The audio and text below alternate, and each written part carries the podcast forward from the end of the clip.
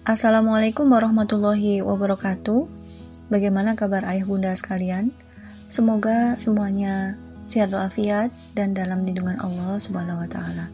Amin amin ya rabbal alamin. Ayah bunda sekalian, anak adalah rezeki dari Allah. Nah, bagaimana konsep rezeki itu sendiri? Kali ini saya akan membahas tentang konsep rezeki itu yang saya ambil dari buku Ustadz Arafat yang berjudul Setiap Hari Ada Rezeki Baru Untukmu. Di mana bumi dipijak tubuhmu, di situ langit ditunjung pikiranmu. Siapa yang tidak ingin rezeki?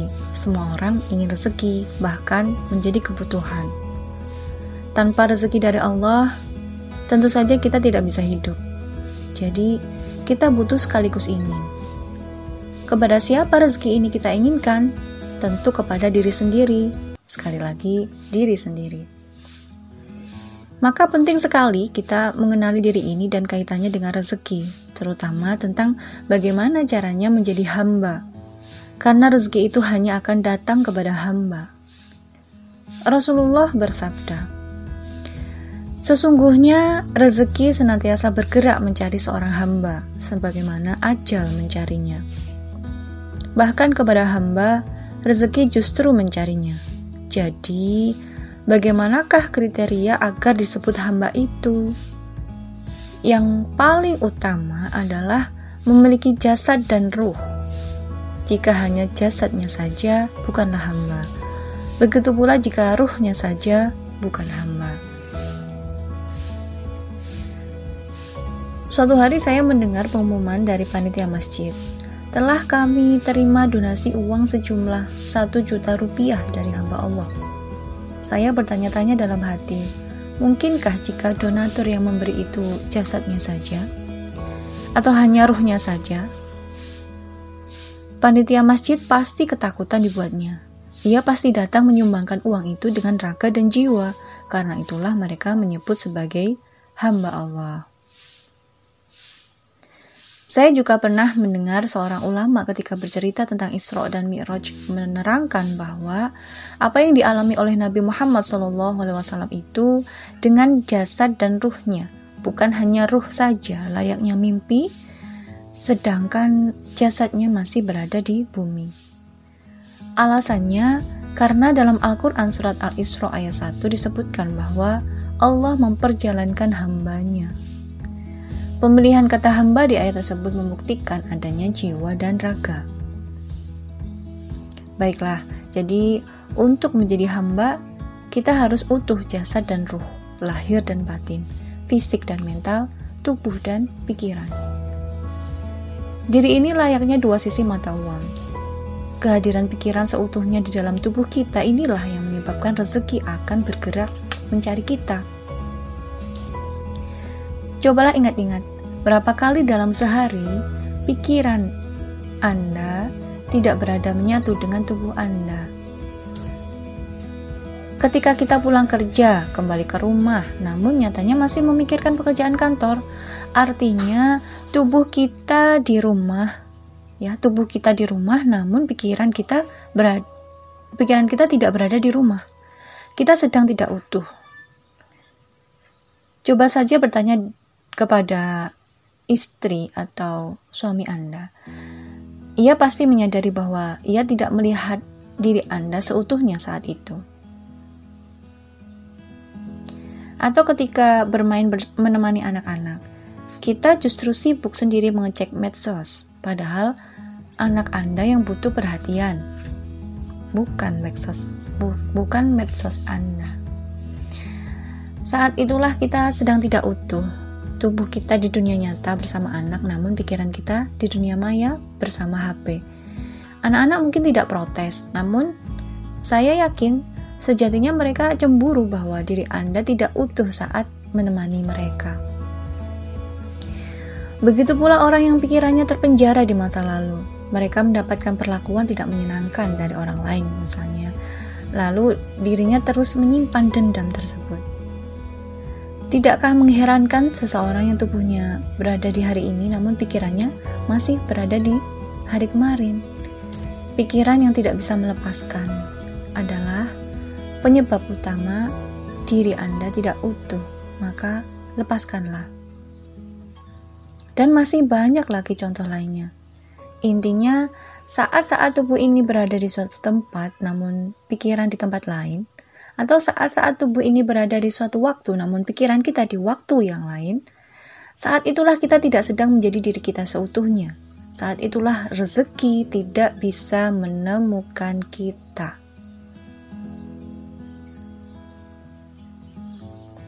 Baik, mari kita lanjutkan kembali. Cara sederhana untuk bisa hadir dalam setiap aktivitas kita adalah dengan menjalani momen-momen tersebut dengan rasa bersyukur dan berkesadaran. Meskipun hanya momen kecil, tetap saja kita harus bersyukur Meskipun hanya makan, minum, tidur, kerja, ngobrol, ibadah sehari-hari, sebenarnya tidak ada momen kecil. Mari biasakan kita lakukan semua itu dengan penuh sadar, hadir, dan syukur. Cobalah mulai hari ini, kita makan dengan tenang. Awali dengan membaca doa makan yang tulus. Tanpa kuasa Allah, tak akan ada sesuap makanan pun yang mampu kita nikmati. Syukuri rutin syukuri rutinitas ini. Sadari aromanya, teksturnya, rasanya, dan nikmati betapa tubuh ini sehat dan mampu mencerna setiap asupan. Tahan keinginan untuk makan sambil bermain medsos atau menonton sinetron.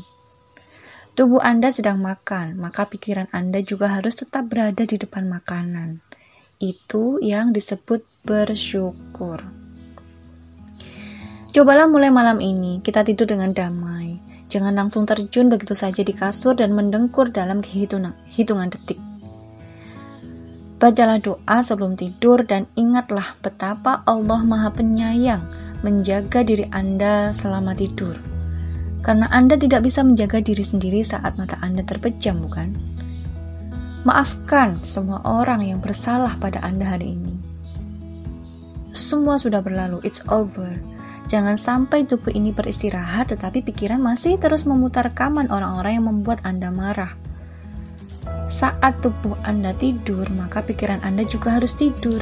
Itu yang disebut bersyukur. Nanti ketika bangun tidur di pagi hari, duduklah sejenak di atas ranjang Anda sebelum melakukan apa pun. Bacalah doa bangun tidur sebagaimana Rasulullah Wasallam dulu membacanya. Tarik nafas dan embuskan perlahan. Bersyukurlah kepada Allah karena pagi itu Anda dibangunkan dengan tubuh yang sehat. Sadari bahwa Allah sudah menyiapkan rezeki Anda untuk 24 jam ke depan.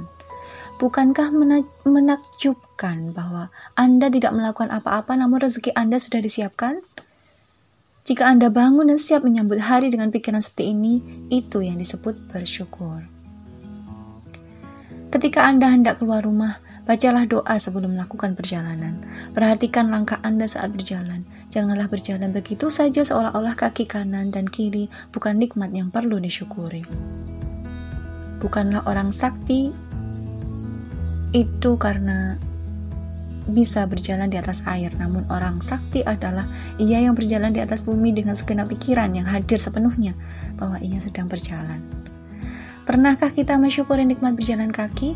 Atau jangan-jangan aktivitas jalan kaki berlalu begitu saja tanpa berkesadaran?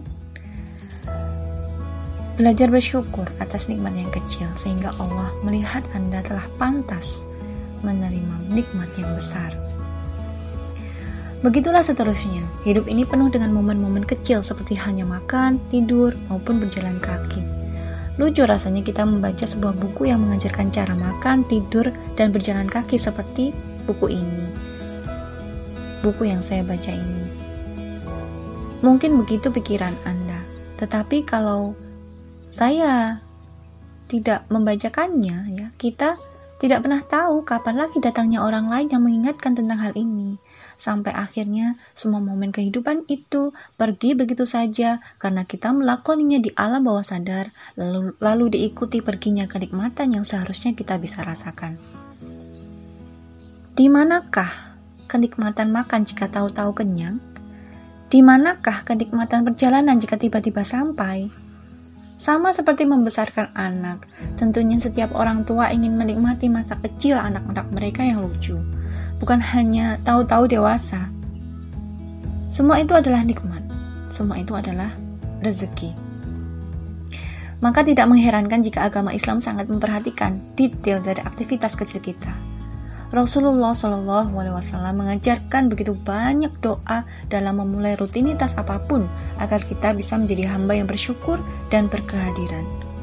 Ilmu yang membahas tentang doa-doa sehari-hari disebut ilmu adab. Inilah ilmu yang tidak bisa dilepaskan dengan ilmu rezeki, karena seberapa banyak adab kita dalam keseharian merupakan bukti seberapa banyak syukur kita dan syukur itu berselaras dengan rezeki sebagaimana Allah berfirman dalam surat Ibrahim ayat 7 yang artinya jika kamu bersyukur maka aku akan tambah nikmatku. Namun bila kamu ingkar sungguh adabku amatlah pedih. Belajar adab adalah belajar tentang cara bersyukur pada setiap perbuatan. Belajar adab adalah belajar tentang hadir sepenuh perhatian kita pada setiap keadaan. Adab ketika makan, adab ketika minum, adab ketika sholat, adab ketika berbicara, dan sebagainya. Dulu saya tidak tahu sejauh apa pentingnya ilmu adab itu sampai saya membaca dalam sebuah kitab berbahasa Arab tentang nasihat orang-orang soleh mengenai ilmu adab ini. Aku mengikuti Imam Malik selama 20 tahun, di mana 2 tahun aku gunakan untuk mempelajari ilmu dan 18 tahun aku gunakan mempelajari adab. Kini aku menyesal mengapa seluruh waktuku itu tidak aku gunakan untuk mempelajari adab saja. Demikian yang dikatakan Imam Abdurrahman Al-Qasim. Pesan Imam Malik kepada muridnya seperti ini, "Wahai Muhammad, jadikan ilmumu bagaikan ukuran garam ketika memasak makanan dan jadikan adabmu bagaikan ukuran tepungnya." Oleh karena itu, sadari sepenuhnya apa yang sedang kita kerjakan sekarang. Hadirlah seutuhnya di sini Tunjukkan adab kita pada setiap momen. Nikmati hidup ini menit demi menit dengan segenap tubuh dan pikiran kita. Demikian semoga bermanfaat apa yang saya sampaikan ini. Semoga hari-hari kita lebih barokah. Amin amin ya rabbal alamin. Terima kasih. Wassalamualaikum warahmatullahi wabarakatuh.